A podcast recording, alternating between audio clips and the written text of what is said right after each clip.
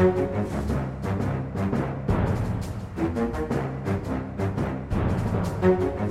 men det er fint. Det er torsdag, det er ettermiddag. Vi er på plass med Aftenpodden denne gang. Eh, mer eller mindre helnorsk eh, politikk. Vi sitter i et veldig lyst og fint studio her. Trine Eilertsen, god dag, god dag. God dag, god dag. God ettermiddag, faste gjest Sara Sørheim. Jeg føler meg litt som gjest, jeg òg, Lars. Ja, for du henger bare rundt på sånne lederseminarer, og du har ja, ja. tenkt store tanker. Nå har jeg vært på, på ledermøte i to dager, ja, og helt hodet inne i sånne strategiske problemstillinger og sånn. Så nå stakk jeg ut hodet, og så lurte jeg på hva har skjedd? Ikke sant. Da kan jeg opplyse om at det her har vært en sånn uke der det skjer veldig mange små ting, og kanskje ikke så mange kjempestore ting. Nei, det er ikke sånn dette er ukas sak. Eh, det er liksom ikke en regjering som har nesten gått av eller noe sånt nå. Vi, vi er jo litt bortskjemt. Vi er jo det. ja, 2020 har gitt oss veldig, veldig mye. Så foreløpig så er det ikke helt på det nivået. Det største der kanskje ligger jo i utlandet. Eh, for de som ikke hørte det, så hadde vi jo en liten ekstra spesial USA-variant av Aftenpodden som gikk ut onsdag, sammen med Øystein Langberg, den veldig dyktige korrespondenten vår som er på plass der. Det var hyggelig. Den ble jo spilt inn rett før Mitt Romney Eh, gikk ut og la hodet sitt på blokka og eh, stemte for å avsette president Donald Trump, som jeg vil si var et sånn et faktisk politisk dramatisk øyeblikk ja. som, eh, som, var ganske stort. Så jeg vil anbefale alle å se den, det videoklippet. Jeg vet ikke om du har sett det ennå, Sara? Nei, men jeg har sett uh, på litt av det, for å være helt ærlig. Men uh, det var nok til å skjønne at vi kom inn i et sånt historisk øyeblikk hvor det jeg aldri trodde skulle skje, skjedde. At Mitt Romney skulle plutselig stå, stå frem, frem ja. Ja, som liksom virkelig en, en mann med ryggrad. Ja. Eh, hvis du husker tilbake til valgkampen da han stilte mot eh, Obama, så var det ingenting som tyda på at han altså, det, jeg, det, det, falt meg ikke inn engang at han på et tidspunkt skulle være en politiker som jeg tenker at wow, takk for at du finnes. Men det var hans øyeblikk, hans moment. Ja, det var jo veldig, det var liksom forfriskende å se i eh, politikken at det fremdeles er noen som har en litt høyere himmel, og han var jo på en måte, ja, dette var hans overbevisning, han måtte gjøre det, og han var jo veldig sånn tydelig og prinsipiell og, og, god på at dette, han måtte følge sin, uh, sin, samvittighet, og hvis ikke så ville historiens dom være, være tung, da. Og tok og, jo også over etter McCain, egentlig. Også en tidligere presidentkandidat fra uh, de konservative som eller fra republikanerne, som uh, jo også har stått opp eh, mot Donald, Trump. Donald Trump. tidligere. Så de har jo vist seg begge to, liksom De som tidligere har tatt ansvar for partiet, har jo også nå da gjort det mot Trump. Og det er det veldig, veldig få andre republikanere som jo faktisk gjør. Så ja. Det var, vært utrolig. det var ganske sånn flaut for de som satt og hørte den talen, og så var det sånn Ja, nei, men jeg Jeg, jeg får nå støtte videre, da, være med på laget. Ja. Så det var et litt oppløftende øyeblikk da fra, fra den internasjonale scenen. Og eh, jeg vet ikke hva man skal sammenligne med her hjemme, egentlig. Nei, har du et forslag? Nei, av alle hva skal man si, I Politisk Nytt denne uka så må det sies at det er av betydning at Høyre ligger an til å få en ny nestleder. Vi har jo snakka om det før, at de har hatt en gjeng som har sittet der nå i år etter år etter år. og eh, vel var modne for litt utskifting. Det mente i hvert fall flere i partiet. Så nå er det klart at Bent Høie gir seg. Han skal jo bli fylkesmann i Rogaland etter hvert. Og det har han skullet eh, blitt liksom veldig lenge. Det har jeg følelsen av. Altså, det må være veldig spesielt å sitte i hans posisjon og egentlig det, altså, og vite at han skal over i noe annet. Uh, både som statsråd og nestleder. Men uh, det var for så vidt sånn sett varslet, en varslet avgang som nestleder på Høie. Men det var jo ikke gitt at det skulle bli Tina Bru. Nei, det var det ikke. Men uh, hun har jo hatt et godt hva skal jeg si, et godt vinterhalvår, da. Det har liksom, uh, ikke bare var hun gjest på, på vår livesending på NHOs årskonferanse. Som var høydepunktet hennes i vinter. Som sies å være hennes, hennes toppunkt så langt. Men da blitt olje- og energiminister. Og nå, nå, antageligvis, da, det kan jo i teorien komme noen utfordrere, men hun er da innstilt fra valgkomiteen for å bli, bli nestleder i Høyre. Så Jan Tore Sanner, da, som vi jo det også var spekulasjoner om skulle ut, han får nå fortsette. Det mm. får være måte på hvor mye endringer det skal være i et konservativt parti. Ja, og, så, og bakteppet her, da. Det er jo av og til sånn at når det blir snakk om personer uten at det er konflikt, så kan jo det faktisk gi et parti litt, et lite løft. sant? Da får du portrettintervju med Tina Bru, og du får hun, hun og, hen, hun og Henrik Asheim med på Lindmo. og Du får veldig sånn positiv buzz rundt partiet, og det kan kanskje gjøre, gjøre litt godt for målingene, da. Eh, nei, Nei. det har det ikke gjort. Altså Høyre gjør jo sine verste målinger i jeg skal ikke si manns minne, men i hvert fall mitt minne. Jeg husker ikke så mye Jeg alltid. tror faktisk den målingen, det er, ja, ja, Den målingen som NRK og Aftenposten hadde nå eh, denne uka, var, mener jeg husker var den dårligste som er gjort av eh, det byrået siden, altså på ti år. Ja, så det, det er sånn pre-regjeringshøyre-målinger som virkelig er landet. Og der er jo, eh, etter at eh, flertallsregjeringen gikk i oppløsning, så har det jo eh, Frp har jo eh, tjent godt på det.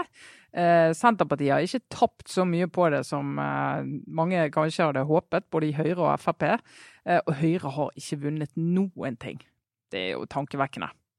Så skal det sies, det er jo selvfølgelig spinn som kommer, men eh, jeg var eh, og snakket med noen i Høyre i forrige uke før en del av disse målingene, og de var sånn Nå kommer målingene til å se stygge ut. De kommer til å være en nedtur. Mm.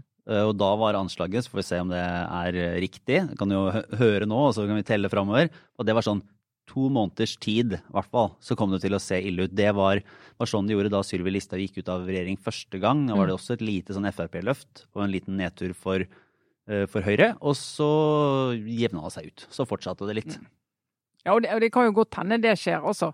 Men det er jo likevel Og det, det som var, må være en liten trøst for Erna Solberg, da, det var denne her statsministermålingen som eh, Norstat lager. Eh, når de lager vår måling, så er hun fremdeles en mer populær statsministerkandidat enn Jonas Gahr Støre. Faktisk mer populær enn ved forrige måling. Og det må jo være litt eh, sørgelig i Arbeiderpartiet at du ikke har en statsministerkandidat som eh, kommer mer igjennom, og som kan dra opposisjonen, også i kraft av sin egen personlighet. da. Men nå har det jo vært litt rart, fordi etter, etter endringene så har det, det har vært tydelig at det har vært en mer sånn energiinnsprøytning for de borgerlige partiene. Og egentlig på alle kanter, og alle føler at det er en ny start, og, og her er det muligheter, og, og man, øh, man får, får begynt på en ny måte og rekalibrert seg litt, og ender opp med det med, som flere av partiene gikk inn som, som uh, sin førstevalg i, i valgkampen sist, uh, uansett. Og så gjenstår det virkelig å se om hva, se hva som skjer når hverdagen kommer. Mm. Fordi uh, politikken ligger jo der. Sånn at hvis man ikke bare tenker på det som ligger der som sånn eh, fluff og omtale i media, og her er det noen nye statsråder, og eh, Venstre får inn begge sine kandidater til å ta over, så må de jo faktisk finne løsninger på de samme problemene nå som det de skulle for tre måneder siden, da det så fryktelig ut. Men det er jo eh, interessant å se Siv Jensen sin holdning, da. Hun har jo virkelig gått inn i Stortinget som en helt ny Frp-opposisjonspolitiker. Eh, man kan, kunne kanskje vente seg at nå skal Frp bare slamre igjen døren og bråke masse med og, og begynne å, med masse interne stridigheter om hvordan de skulle forholde seg til alle disse her lureforslagene fra de andre opposisjonspartiene som de jo skal gjøre for å røyke ut at Frp er uenig med regjeringen. Og hun har bare avvist det. Og bare sagt nei, nå må vi tenke oss om hva saker som er viktigst for oss, hvor vi skal gå i krigen. Det blir ikke noe krangling her med regjeringen med det første. Vi tar for gitt at de søker til oss når de skal ha flertall. Men utrolig sånn eh, voksen approach, da. Som eh, Ja, det, det er ganske imponerende, egentlig.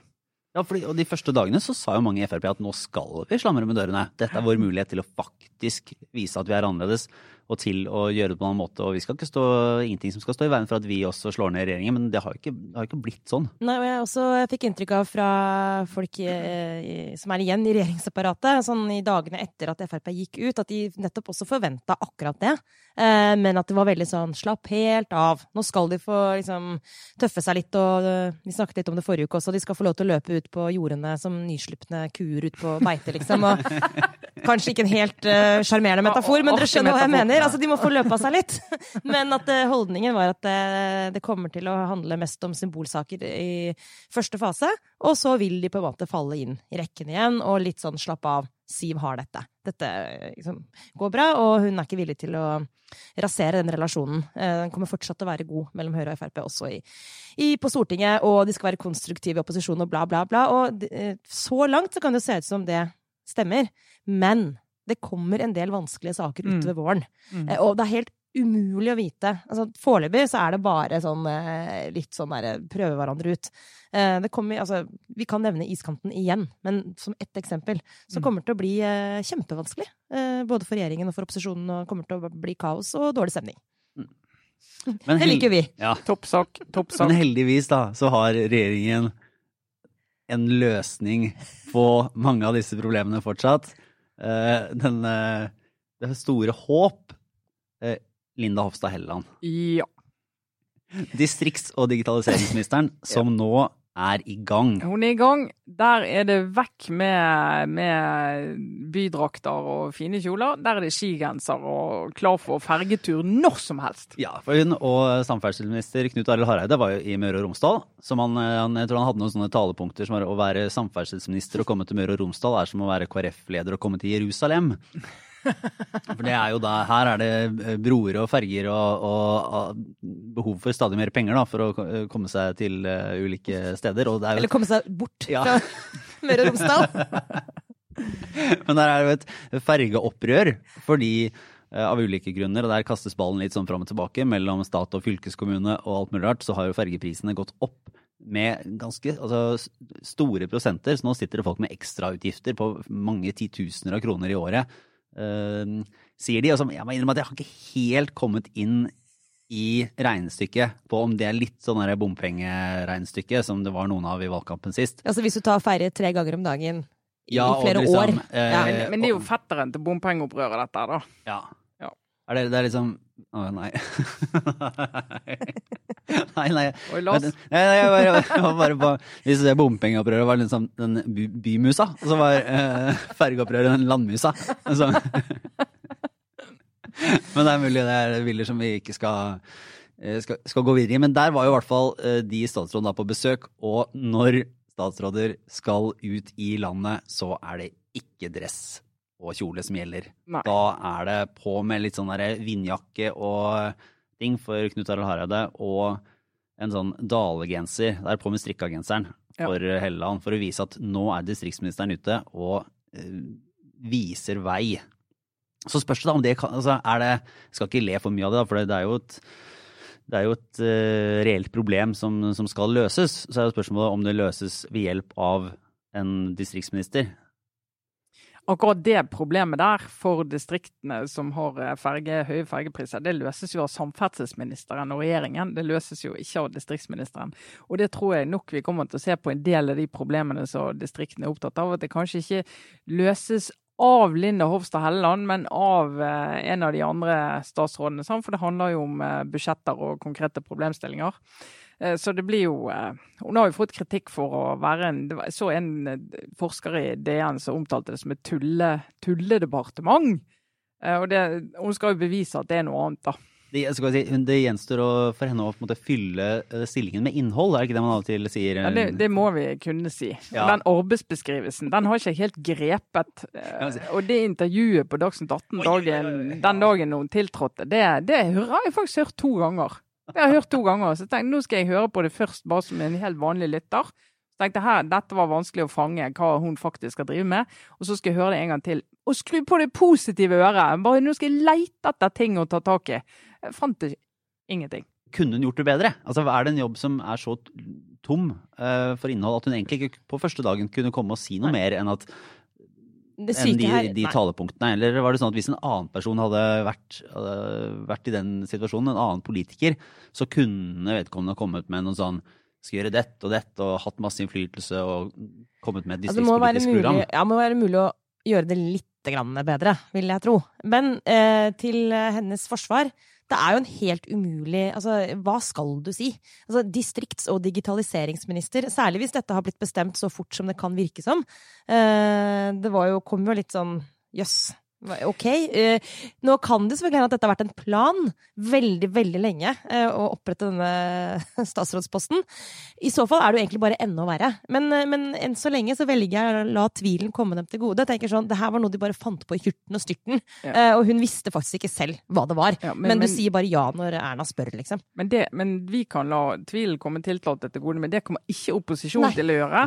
Så det denne konstruksjonen er, det er jo en perfekt mulighet for Trygve Slagsvold Vedum og alle andre som har lyst til å anklage regjeringen for sviktende distriktspolitikk, og få dratt hun inn i studio og vist hvor lite hun kan svare på, hvor lite verktøy hun har.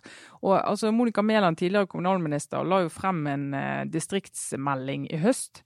Uh, eller en sånn NOU da, om uh, hvordan det står til ute i distriktene. Og det var jo det var ikke så veldig mye politikk inni det. Det var bare en sånn beskrivelse på en måte en sånn Kanskje dere forstår nå hvor vanskelig det er å gjøre noe med dette her. Altså Det er uh, megatrender med flyttemønster og men, men, fikk løftet opp denne problemstillingen om at en god del distriktsområder mangler jo kompetent arbeidskraft til de arbeidsplassene som faktisk finnes der. Og hva skal vi gjøre med det? Og det ser jo Linda Hoff Stelland prøver å ta tak i, men det er bare det at det er ikke hun som kommer til å kunne påvirke om de arbeidsplassene kommer dit, og hvor mange det blir, og det blir jo en annen diskusjon. Så hun kan lett bli en sånn hoggestabbe som ikke får svart på noen ting, da. Men det eneste som er på en måte verre eh, enn å ikke ha en eh, distriktsminister eh, når du har Senterpartiet i opposisjon, det er å ha en skikkelig dårlig distriktsminister. Mm. Altså, det, det, jo, det, hadde vært mye bedre å bare være litt sånn du hva, dette, Vi er ikke så opptatt av det her som dere. Snakke om andre ting. Men liksom, vi først skal være sånn Nei, nå skal vi løfte distriktene helt opp liksom rundt kongens bord. Uh, og de setter en person inn der som kommer til å tape absolutt alle debatter mot uh, alle i Senterpartiet. Ja, så, så, er det jo det et uh, kanskje strategisk litt dårlig valg. Så, det ligger mye press på, på Helland for å, for å, løse dette på en god måte. Men hun har i hvert fall starta i dag med et innlegg på NRK Ytring som heter 'Folk skal bo i hele landet'. Flott. Det var kontroversielt. Det, ja. Det blir jo en kioskvelter. Men jeg hørte jo, det var jo interessant, Tina Bru var i Politisk kvarter i dag og ble intervjuet der om eh, anklagene om at det nye sentralstyret og arbeidsutvalget i Høyre ikke har folk fra Nord-Norge der. Eh, og da sa hun at ja, jo, det, det var noe mange andre folk fra Nord-Norge, regjeringsapparat og statssekretær og sånn. Og dessuten så var det jo sånn at altså distriktspolitikk, all politikk gjaldt jo i distriktene og trengte gode skoler og helsevesen og alt det der. Så det hun egentlig sier er at distriktspolitikk det er altså, og distriktsminister må vi kunne legge til, da. Det, det, det, trengs jo ikke. For det er jo all den andre politikken. Og det har jo vært Høyre sin holdning hele tiden, at jo all den andre politikken gagner jo distriktene. Sånn, bedre infrastruktur, bedre skoler, så det gjør det bedre å bo der. Mens nå så gir de altså et opplegg til Smash for Senterpartiet ved å si at ja, dere har rett. Problemet er så stort at vi må ha egen statsråd. Vi var det på tampen av dette at du hadde et godt, men ubekreftet rykte, Sørheim? Ja, altså det passer kanskje inn nå, siden vi kom litt sånn bort på klesdrakta til eh, diverse statsråder. Det har jo vært et Altså, vi er jo litt der nå. Vi er litt sånn i teste ut-fasen. Ny gjeng, eh, liksom eh, litt nye regler, ting å forholde seg til. Abid Raja var jo tidlig ute og er fortsatt veldig opptatt av å dele på sosiale medier liksom, alt mulig rundt det å bli statsråd. For eksempel så var han jo, tok han med liksom, eller i hvert fall filmet seg selv ut for å kjøpe dress. Og var litt sånn skal jeg ta og kline til og ha en oransje dress? Endte opp med svart dress. Men en som, som, også var ute for å handle klær, men som gjorde veldig mye mindre nummer ut av det. Det var jo hans, vi kan kalle han opponent i dette tilfellet, Sveinung Rotevatn, som noen observerte. Litt sånn med propper i ørene på Ferner Jacobsen. Litt sånn desperat stående foran en kjempestor vegg med slips. og utstrålte sånn å, herlighet! Hvor gammel er han? 32-aktig? Ja. Um, ja. Det var den, og det er mulig jeg nå legger litt mye inn i dette bildet, men det var den følelsen av sånn dette er det å bli voksen. Gå på Færne Jacobsen en lørdag! Tvunget til å kjøpe slips. Men han prøvde å gå undercover, så jeg fikk litt vondt av ham fordi jeg nå deler det. Men uh, det var helt åpenbart at her skulle, det, her skulle garderoben jekkes opp. Ja, ikke sant? Og det er sånn, Hvor mange slips trenger du? Veldig, Ekstremt mange. Og han skal også ha for at han uh, som politiker er uh, jo uh, kvikk i replikken. Fordi ja, Nå røper jo kilden til dette, som er meg selv. som dunka borti og sa 'Har du ikke en stylist til å hjelpe deg med dette?' Og da snur han seg, så ser han til meg, så sier han 'Det har jeg ikke, og det skal jeg aldri ha', og det er er, det er noe av det som er så bra med å bo i Norge'. Jeg bare wow, du er på jobb! Bra.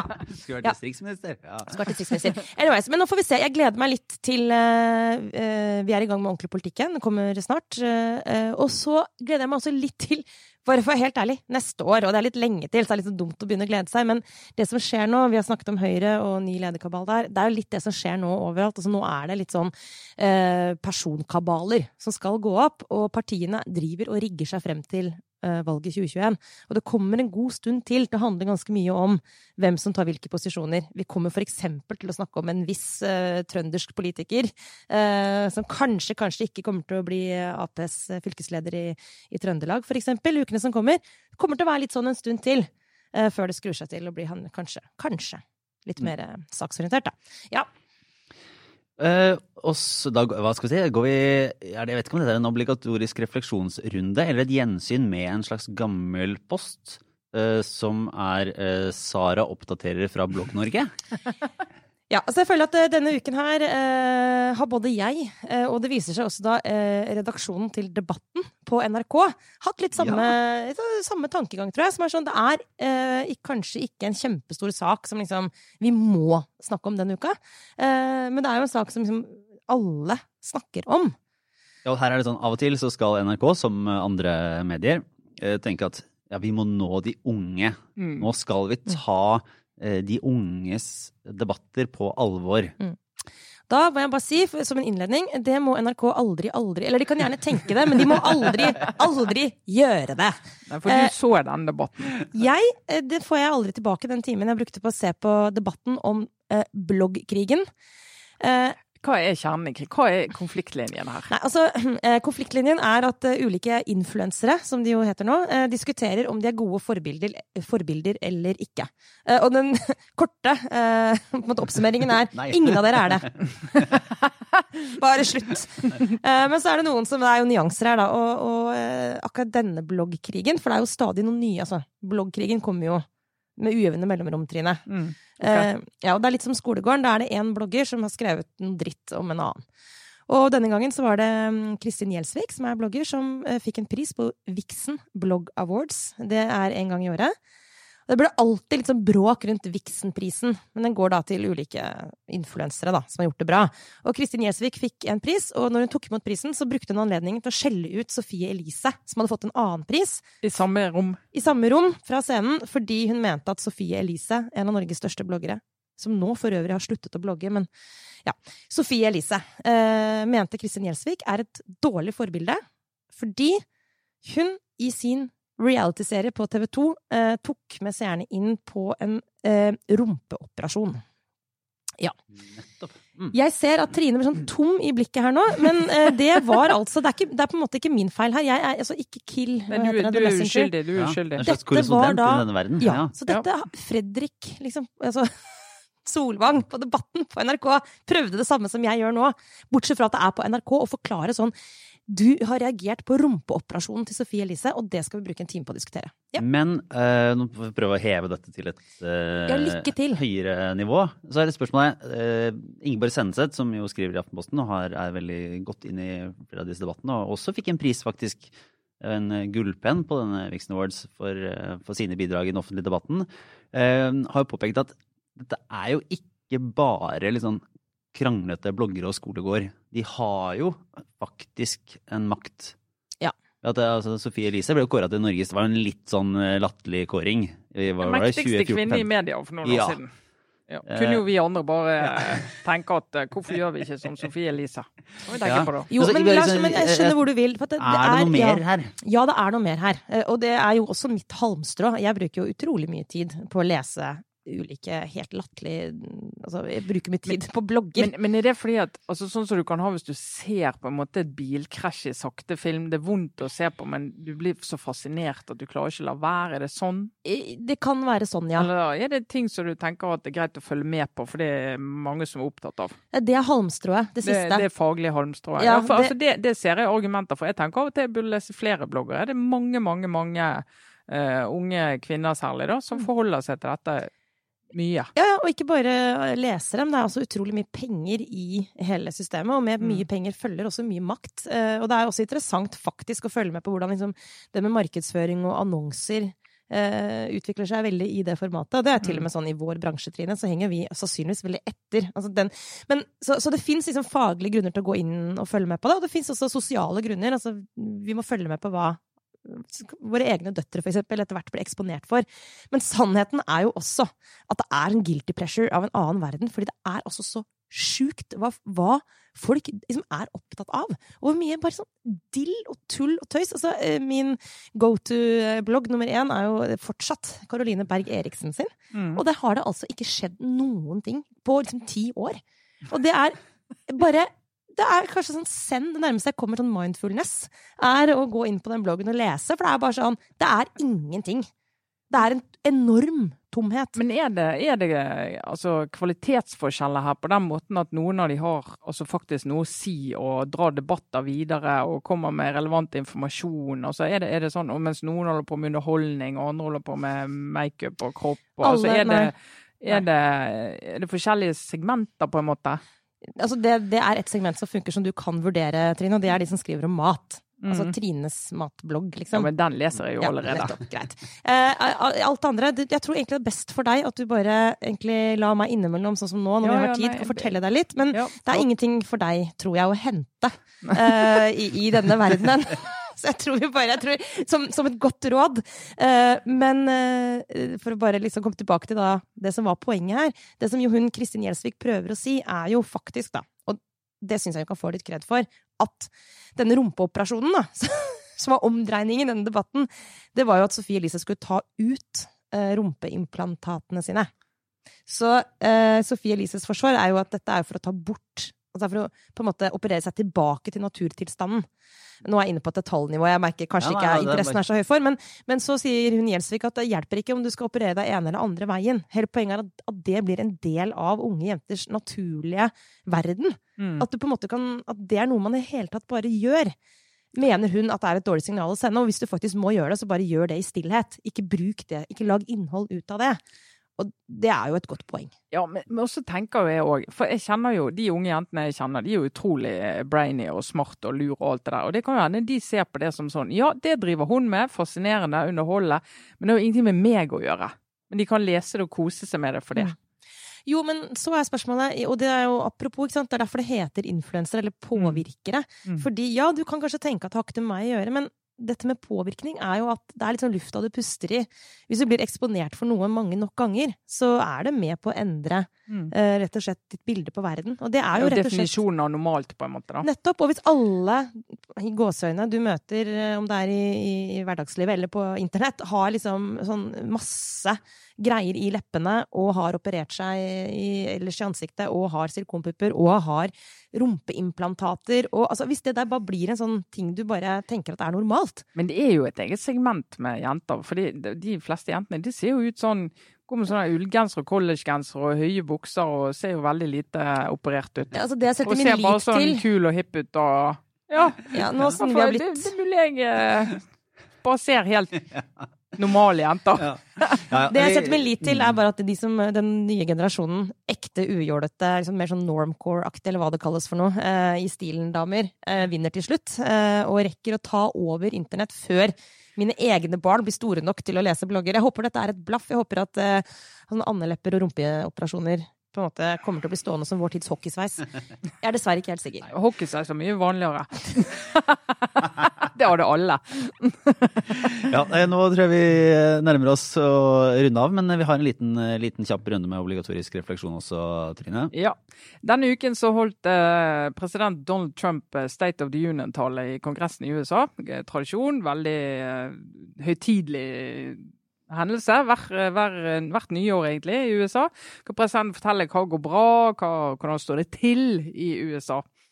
Eh, og da var jo speaker Nancy Pelosi var jo der, og de som har fulgt med i amerikansk politikk, vet at de har jo av og til hatt forsøksvis sånn i hvert fall en høflig relasjon. og liksom Vi må prøve å jobbe sammen. Det er ganske lenge siden nå, da, men det har jo helt krakelert de siste månedene. Eh, og nå når Donald Trump kom inn og holdt sin tale, så hadde hun en veldig kjølig velkomst. Hun skal ha strukket ut hånden, han skal ha gått rett forbi. Eh, Hun, skal ha introdusert, eller hun introduserte ham veldig nøkternt. eh, Ta imot eh, USAs president. Vanligvis så ville hun eh, kanskje snakket mer om liksom embetet og tenke at du tar på deg denne store oppgaven på vegne av oss alle, og ingenting sånt. Helt nedstrippet. Så var han ferdig, og da tok hun talen foran alle kamera. Så rev hun han i to. Nancy Pelosi. Du, ja, Og, det, og det tenkte jeg det var, jeg, må, altså jeg så det flere ganger. Dette her er det sykeste jeg har sett. Og det var jo Og egentlig da syns jeg det er litt trist. For jeg tenker liksom When they go low, eh, Michelle Obama. sant? We go Det high. funka ikke. ja. Det funket ikke. When you go low, I go lower. Det var liksom bare helt sånn demonstrativt. Da tenkte jeg, vet du hva, Nancy Pelosi, du hadde så stått det på. Å bare være den som var kul, og den som liksom bare tok situasjonen og, og eide den og viste at du var en statskvinne. da. Så det, det kjente, ja. Jeg syns det var skuffende. Men du har helt sikkert rett. Du har, åh, det er sånn, du har nesten alltid det når du tenker sånn to skritt fram. Mens jeg bare likevel tenker sånn Fader, så kult! Ja, det var et, det var Ja. et eller annet veldig menneskelig med Ja, det det. er jeg enig i. det er jeg enig i. Men, men det var òg litt trist når jeg fikk tenkt meg om. Ja, Ja, ja, ikke sant? Men det. noen ganger tenker jeg at når mennesker viser sin Hvis det var det det var, da. Hvis ikke det var veldig veldig planlagt, og det tror jeg ikke. Eller det, i så fall var det dumt. Men de der gangene det bare glipper for deg, det bare, den der menneskelige reaksjonen eller bare irritasjonen eller hva det er, bare tyter frem, så syns jeg alltid nesten det har et sånt element av at det er sjarmerende òg. Ja, Det er noe Altså, med, Hun kunne jo dyttet han bare sånn Dyttet han inn i mikrofonen eller noe sånt. Men det er klart.